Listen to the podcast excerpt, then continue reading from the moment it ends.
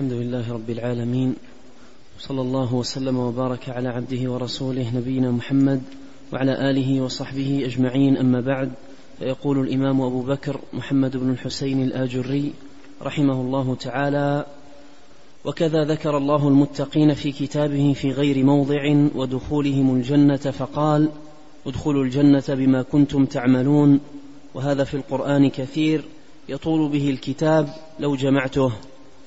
مثل قوله في الزخرف الأخلاء يومئذ بعضهم لبعض عدو إلا المتقين إلى قوله وتلك الجنة التي أورثتموها بما كنتم تعملون. ومثل قوله في سورة قاف وفي الذاريات والطور مثل قوله إن المتقين في جنات ونعيم فاكهين بما آتاهم ربهم ووقاهم ربهم عذاب الجحيم. كلوا واشربوا هنيئا بما كنتم تعملون. وقال تعالى في سورة المرسلات إن المتقين في ظلال وعيون. وفواكه مما يشتهون كلوا واشربوا هنيئا بما كنتم تعملون. قال محمد بن الحسين كل هذا يدل العاقل على أن الإيمان ليس بالتحلي ولا بالتمني ولكن ما وقر في القلوب وصدقته الأعمال كذا قال الحسن وغيره. نعم. بسم الله الرحمن الرحيم. الحمد لله رب العالمين وأشهد أن لا إله إلا الله وحده لا شريك له وأشهد أن محمدا عبده ورسوله صلى الله وسلم عليه وعلى آله وأصحابه أجمعين. اللهم علمنا ما ينفعنا وانفعنا بما علمتنا وزدنا علما وأصلح لنا شأننا كله ولا تكلنا إلى أنفسنا طرفة عين. أما بعد لا يزال المصنف الإمام الآجري رحمه الله تعالى يبين ويسوق الأدلة على أن الإيمان ليس شيء في القلب فقط بل لا بد فيه من العمل بطاعة الله سبحانه وتعالى. وقد نوع رحمه الله تعالى الدلائل والشواهد على ذلك. وهنا يشير إلى نوع آخر من الأدلة ألا وهو ما ذكره الله سبحانه وتعالى في القرآن الكريم من أوصاف المتقين وأن تقوى الله سبحانه وتعالى لا بد فيها من عمل بطاعة الله وإقامة لشرعه فليست التقوى أمر يدعى يدعيه المرء ولا أيضا مجرد اماني بل تقوى الله سبحانه وتعالى أمر وقر في قلوب المتقين وصدقته أعمالهم طاعة لله ولزوما لشرعه جل في علاه. قد قال عليه الصلاة والسلام التقوى ها هنا التقوى ها هنا التقوى ها هنا ويشير إلى صدره عليه الصلاة والسلام ثلاث مرات. وفي الحديث الآخر قال ألا إن في الجسد مضغة إذا صلحت صلح الجسد كله وإذا فسدت فسد الجسد كله ألا وهي القلب. فإذا استقام القلب على تقوى الله سبحانه وتعالى استقامت الجوارح. ولهذا جاء ذكر ثواب المتقين عند الله سبحانه وتعالى يوم القيامة مرتبا على أعمال التقوى التي قاموا بها. ادخلوا الجنة بما كنتم تعملون. فجاء ثواب المتقين عند الله عز وجل يوم القيامة مرتبا على أعمال المتقين. أعمالهم طاعة الله سبحانه وتعالى وعبادته. وإذا قرأت أوصاف المتقين في القرآن تجد أن من أوصافهم العمل بالطاعة. وقد مر معنا قريبا آية البر حيث قال الله سبحانه وتعالى ولكن البر من آمن بالله واليوم الآخر والملائكة والكتاب والنبيين وآتى المال على حبه ذوي القربى إلى تمام الآية. هذا كله عمل. ثم قال أولئك الذين صدقوا وأولئك هم المتقون أي هذه صفاتهم. فصفات المتقين تجمع بين أمرين صلاح المعتقد واستقامة الجوارح على العمل بطاعة الله سبحانه وتعالى. ومن أحسن ما حدت به التقوى أن تقوى الله عمل بطاعة الله على نور من الله رجاء ثواب الله وترك لمعصية الله على نور من الله خيفة عذاب الله. فالتقوى عمل بالطاعات وتجنب للمعاصي والخطيئات وكل ذلك على نور وبصيرة وبرهان من شرع الله. ودينه سبحانه وتعالى رجاء لثوابه وخوفا من عقابه. هذه حقيقة التقوى. وذكر رحمه الله جملة من الآيات فيها الدلالة على هذا المعنى وهو أن ثواب المتقين مرتب على قيامهم بالعمل بطاعة الله. قال الله تعالى وتلك الجنة ورثتموها بما كنتم تعملون. كلوا واشربوا هنيئا بما كنتم تعملون. إن المتقين في ظلال وعيون إلى أن قال كلوا واشربوا هنيئا بما كنتم تعملون. فالمتقون هم العاملون بطاعة الله. المتقون هم العاملون بطاعة الله. المستقيمون على فعل أوامره. واجتناب نواهيه سبحانه وتعالى. وبهذا فازوا بهذه الأجور العظيمة والثواب الجزيل. قال رحمة الله عليه كل هذا يدل على أن الإنسان الإيمان ليس بالتحلي ولا بالتمني. الإيمان ليس بالتحلي. يعني ليس مجرد شيء يدعيه المرء. ليس مجرد شيء يدعيه المرء حلية له وزينة. فإن مجرد التحلي دون قيام حقيقة الإيمان في العبد علما وعملا واستقامة على شرع الله سبحانه وتعالى فإن هذا لا يفيد. الإيمان ليس بالتحلي ولا بالتمني. يعني ليس مجرد أماني مثل ما قال الله سبحانه وتعالى ليس بأمانيكم ولا أماني أهل الكتاب. من يعمل سوءا يجزى به. فالإيمان لا بد فيه من عمل. ليس مجرد أماني وليس مجرد دعاوى وإنما الإيمان أمر وقر في قلوب أهله أهل الإيمان واستقامت عليه جوارحهم طاعة لله ولزوما شرعه سبحانه وتعالى. قال ليس الإيمان بالتحلي ولا بالتمني ولكن ما وقر في القلب وصدقته الأعمال. وهنا الحسن البصري وغيره ممن ذكر نحو كلامه رحمه الله تعالى وصف أعمال الجوارح بأنها تصديق. فالتصديق كما أنه يكون في القلب اعتقادا وإيمانا فإنه أيضا يكون بالجوارح عملا واستقامة على طاعة الله.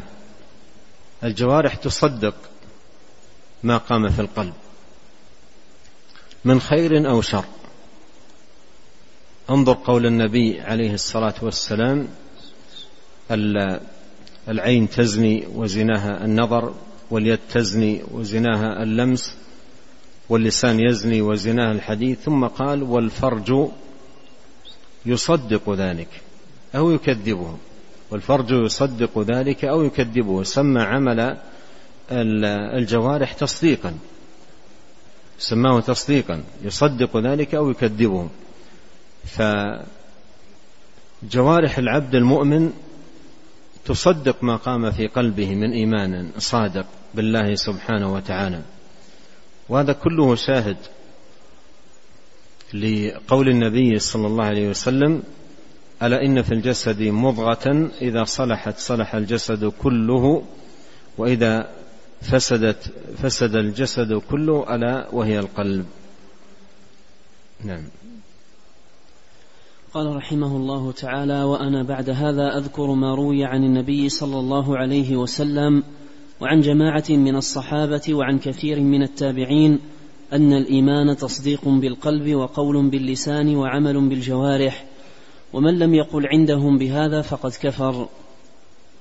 قال حدثنا أبو العباس أحمد بن عيسى بن السكين البلدي قال حدثنا علي بن حرب الموصلي قال حدثني عبد السلام بن صالح الخرساني قال حدثني علي بن موسى الرضا عن أبيه عن جعفر بن محمد عن أبيه عن علي بن الحسين عن أبيه عن علي بن أبي طالب رضي الله عنهم قال قال رسول الله صلى الله عليه وسلم الإيمان قول باللسان وعمل بالأركان ويقين بالقلب.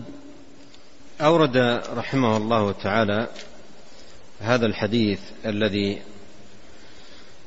يرفع إلى النبي عليه الصلاة والسلام أنه قال الإيمان قول باللسان وعمل بالأركان ويقين بالقلب ويقين بالقلب أي أن الإيمان يقوم على هذه آه، الأمور الثلاثة فهو يكون باللسان قولا ونطقا ويكون بالأركان التي هي الجوارح عملا واستقامة على طاعة الله ويكون بالقلب يقينا وعقيدة. فالإيمان بالقلب واللسان والجوارح. وكون الإيمان يقوم على هذه الأمور الثلاثة دلت عليه دلائل كثيرة جدا وشواهد عديدة في كتاب الله سبحانه وتعالى وسنة نبيه. صلى الله عليه وسلم ومر الكثير منها وسيأتي أيضا الكثير فيما ساقه المصنف رحمه الله تعالى. أما هذا الحديث فإنه لا يصح آه، عن نبينا الكريم عليه الصلاة والسلام فإن آه، راويه عبد السلام بن صالح الخراساني وهو أبو الصلت الهروي آه، متروك الحديث متروك الحديث فحديثه لا يحتج به. والمصنف يعذر في إيراد مثل ذلك لأنه ساق الإسناد ومن أسند فقد برئت عهدته وبرئت ذمته فهو ساق آه، الإسناد. وفيه هذا الرجل المعروف عند أهل العلم باتفاقهم بعدم قبول مروياته فهو متروك الحديث عند آه، عند أهل العلم. الحديث لا يصح آه، أن ينسب إلى النبي الكريم صلوات الله وسلامه وبركاته عليه. وأنقل هنا كلمة جميلة للإمام ابن القيم رحمه الله تعالى جديرة بأن تكتب وأن ينتبه لها. يقول في كتابه تهذيب السنن في المجلد السابع الصفحة تسعة وخمسين بعد أن بين عدم صحة هذا الحديث وعدم ثبوته قال عقب ذلك رحمه الله تعالى وفي الحق ما يغني عن الباطل وفي الحق ما يغني عن الباطل. ولو كنا ممن يحتج بالباطل ويستحله لروجنا هذا الحديث. وذكرنا بعض من أثنى على عبد السلام.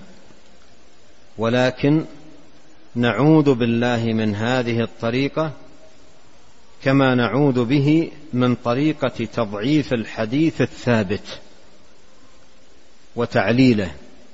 إذا خالف قول إمام معين. فأشار رحمة الله عليه إلى طريقتين عند آه، عدد من الناس. إما أن يصحح حديثا ضعيفا لكونه مؤيدا مذهبه أو يضعف حديثا ثابتا. لكونه يخالف مذهبه. وكل من الطريقتين ضلال وباطل. ويتعوذ بالله تبارك وتعالى من كلا الطريقتين. ولهذا قال رحمة الله عليه ولكن نعوذ بالله من هذه الطريقة كما نعوذ به من طريقة تضعيف الحديث الثابت لكونه يخالف قول إمام معين. نعم. قال رحمه الله تعالى حدثنا أبو يعقوب إسحاق بن أبي حسان الأنماطي قال حدثنا هشام بن عمار الدمشقي قال حدثنا شهاب بن خراش قال حدثني عبد الكريم الجزري عن علي بن أبي طالب وعبد الله بن مسعود رضي الله عنهما قالا لا ينفع قول إلا بعمل ولا عمل إلا بقول ولا قول إلا بنية ولا نية إلا بموافقة السنة نعم. قال وأخبرنا خلف بن عمر قال حدثنا الحميدي قال حدثنا يحيى بن سليم قال حدثنا أبو حيان قال سمعت الحسن يقول الإيمان قول ولا قول إلا بعمل ولا قول وعمل إلا بني إلا بنية ولا قول وعمل ونية إلا بسنة نعم آه هذا الأثر آه عن علي وابن مسعود رضي الله عنهما وبنحوه أيضا عن الحسن عن الحسن البصري وأيضا يروى عن غيرهم من أئمة السلف.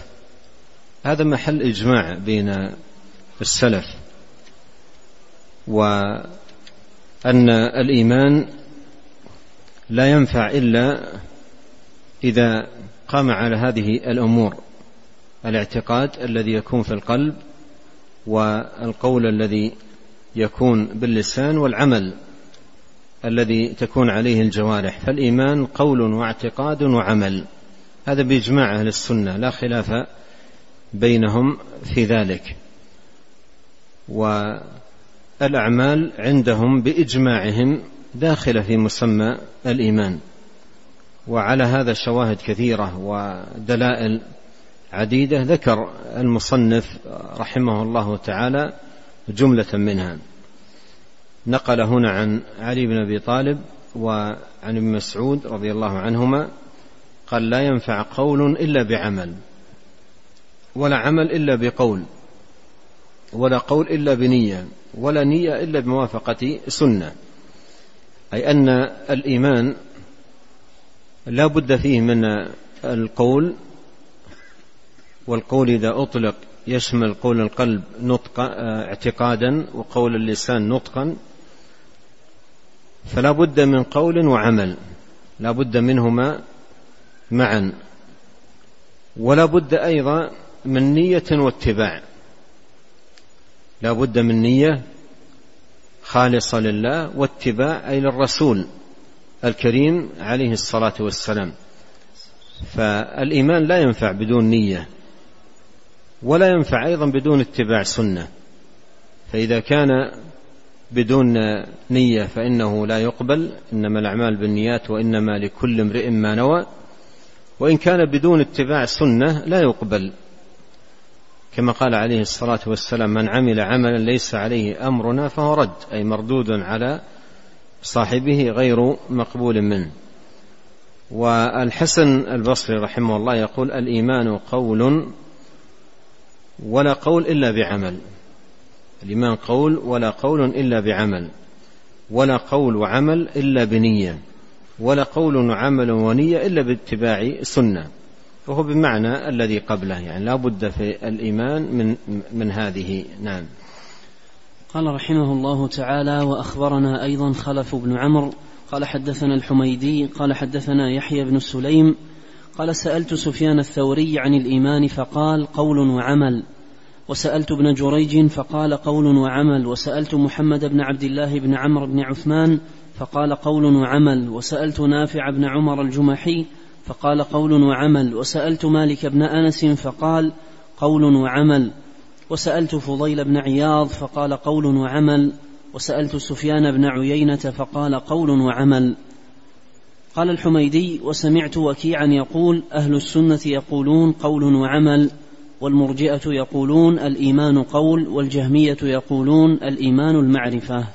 الآن لما تقرأ آه، هذا الأثر عن يحيى بن سليم يقول سألت سفيان وسألت ابن جريج وسألت محمد بن عبد الله بن عمرو بن عثمان سألت نافع بن عمر الجمحي سألت مالك بن أنس سألت الفضيل سألت سفيان بن عيينة كلها مسألة واحدة يمر عليهم ويسألهم.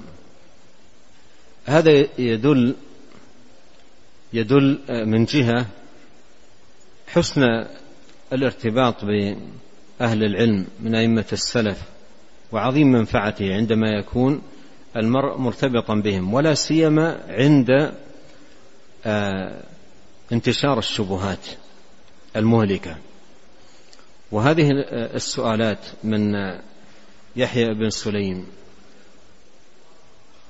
صدرت منه في وقت انتشرت فيه شبهات المرجئة. انتشرت فيه شبهات المرجئة وأقاويلهم الباطلة وإثارتهم للشبهات التي تشكك في الإيمان. وتزعم عدم دخول الأعمال فيه وأن الأعمال ليست من الإيمان. فكان يسأل أئمة السلف لمزيد الاطمئنان. يسألهم لمزيد الاطمئنان وأن هذا قول هو محل اتفاق بينهم. محل اتفاق بينهم. فيفيد من ذلك ويفيد أيضا من ينقله. من ينقل لهم كلام أئمة السلف رحمهم الله تعالى. قال الحميدي وسمعت وكيعا يقول أهل السنة يقولون قول وعمل أي الإيمان قول وعمل والمرجئة يقولون الإيمان قول والجهمية يقولون الإيمان المعرفة. الجهمية مرجئة الجهمية مرجئة بل هم غلاة المرجئة. والمرجئ عند أهل العلم هو من يخرج العمل من مسمى الإيمان مأخوذ من الإرجاء وهو التأخير. قالوا أرجه وأخاه أي أخره.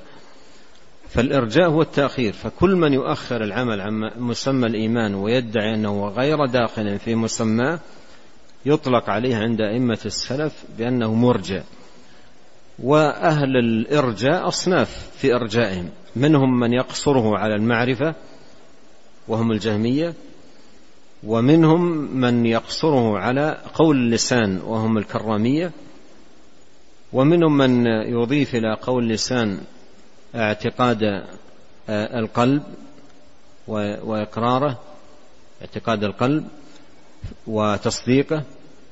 فالمرجئة أصناف المرجئة أصناف لكن يجمعهم وصف الإرجاء ويتفاوتون فيه. وغلاة المرجئة هم الجهمية الذين يقولون الإيمان هو مجرد المعرفة. نعم. قال رحمه الله تعالى حدثنا أبو بكر بن أبي دا أبو بكر بن داود قال حدثنا علي بن خشرم قال أخبرنا يحيى بن سليم الطائفي عن هشام عن الحسن قال الإيمان قول وعمل. قال يحيى بن سليم فقلت لهشام فما تقول أنت؟ قال الإيمان قول وعمل وكان محمد الطائفي يقول الإيمان قول وعمل. قال يحيى بن سليم وكان مالك بن أنس يقول الإيمان قول وعمل. قال يحيى وكان سفيان بن عيينة يقول الإيمان قول وعمل. قال وكان فضيل بن عياض يقول الإيمان قول وعمل. هشام وهو بن حسان يروي عن الحسن البصري أنه يقول إيمان قول وعمل. والراوي عن هشام يحيى بن سليم الذي تقدم معنا قريبا. فهشام بن حسان يروي عن الحسن أن الإيمان قول وعمل. ويسأله يحيى بن سليم قال وأنت ماذا تقول؟ هذا يدل على أن آه، شبهة المرجئة المرجئة رائجة. وبدأ الناس يعني يتأثرون وتدخل على بعضهم.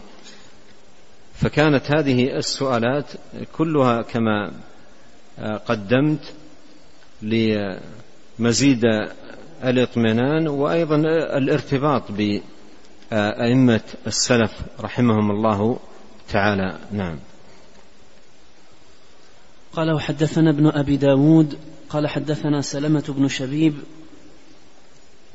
قال حدثنا عبد الرزاق قال سمعت معمرا وسفيان الثوري ومالك بن أنس وابن جريج وسفيان بن عيينة يقولون الإيمان قول وعمل يزيد وينقص. نعم. قال حدثنا ابن مخلد قال حدثنا أبو داود السجستاني قال سمعت أحمد بن حنبل قال في بعض المصادر آه، مصادر الآثار المروية عن السلف. رووا أثرا عن أبي عبيد القاسم بن سلام عد في ذلك الأثر ما يزيد على الستين من أئمة السلف بأسمائهم فلان وفلان وفلان وفلان. كلهم يقول يقول الإيمان قول وعمل يزيد وينقص. كلهم يقول الإيمان قول وعمل يزيد وينقص. ذكرهم بأسمائهم ما يزيد على الستين إماما من أئمة السلف رحمهم الله تعالى. وبعضهم في مثل هذا المقام يقول آه، رويت عن آه، أو أخذت العلم عن ألف أو أكثر. كلهم يقول إيمان قول وعمل. كلهم سمعته يقول إيمان قول وعمل يزيد وينقص. وهذا يدل على أن هذا أمر متضافر عليه بين أئمة السلف وهو محل إجماع بينهم. نعم. قال وحدثنا ابن مخلد قال حدثنا أبو داود قال حدثنا أحمد قال حدثنا إبراهيم بن شماس قال سمعت جرير بن عبد الحميد يقول الإيمان قول وعمل يزيد وينقص. قال إبراهيم بن شماس وسألت بقية بن الوليد وأبا بكر بن, بن عياش فقالا الإيمان قول وعمل. قال إبراهيم وسألت أبا إسحاق الفزاري فقلت الإيمان قول وعمل؟ فقال نعم. وسمعت ابن المبارك يقول الإيمان قول وعمل. قال وحدثنا أبو بكر عبد الله بن محمد بن عبد الحميد الواسطي قال حدثنا أبو الحسن أحمد بن محمد بن أبي بزة قال سمعت المؤمل بن إسماعيل يقول الإيمان قول وعمل يزيد وينقص. نعم وأن نقول عنهم في هذا المعنى بل وحكاية إجماعهم على ذلك جاء عن غير واحد من أهل العلم فهذا محل إجماع بين أئمة السلف رحمهم الله تعالى والنقول عنهم في ذلك كثيرة. نقلها من جمع أقاويلهم في الاعتقاد ولا سيما من توسعوا في النقل كما هنا عند الآجر في الشريعة. وكما في شرح الاعتقاد للالكائي والإبانة لابن بطة والكتب التي أفردت في الإيمان كالإيمان لابن مندة وابن أبي شيبة و آه، أبي عبيد القاسم بن سلام وغيرها من كتب أئمة آه، السلف رحمهم الله تعالى. نعم. قال محمد بن الحسين رحمه الله تعالى فيما ذكرته مقنع لمن أراد لمن أراد الله به الخير فعلم أنه لا يتم له الإيمان إلا بالعمل. هذا هو الدين الذي قال الله تعالى وما أمروا إلا ليعبدوا الله مخلصين له الدين حنفاء ويقيموا الصلاة ويؤتوا الزكاة وذلك دين القيمة.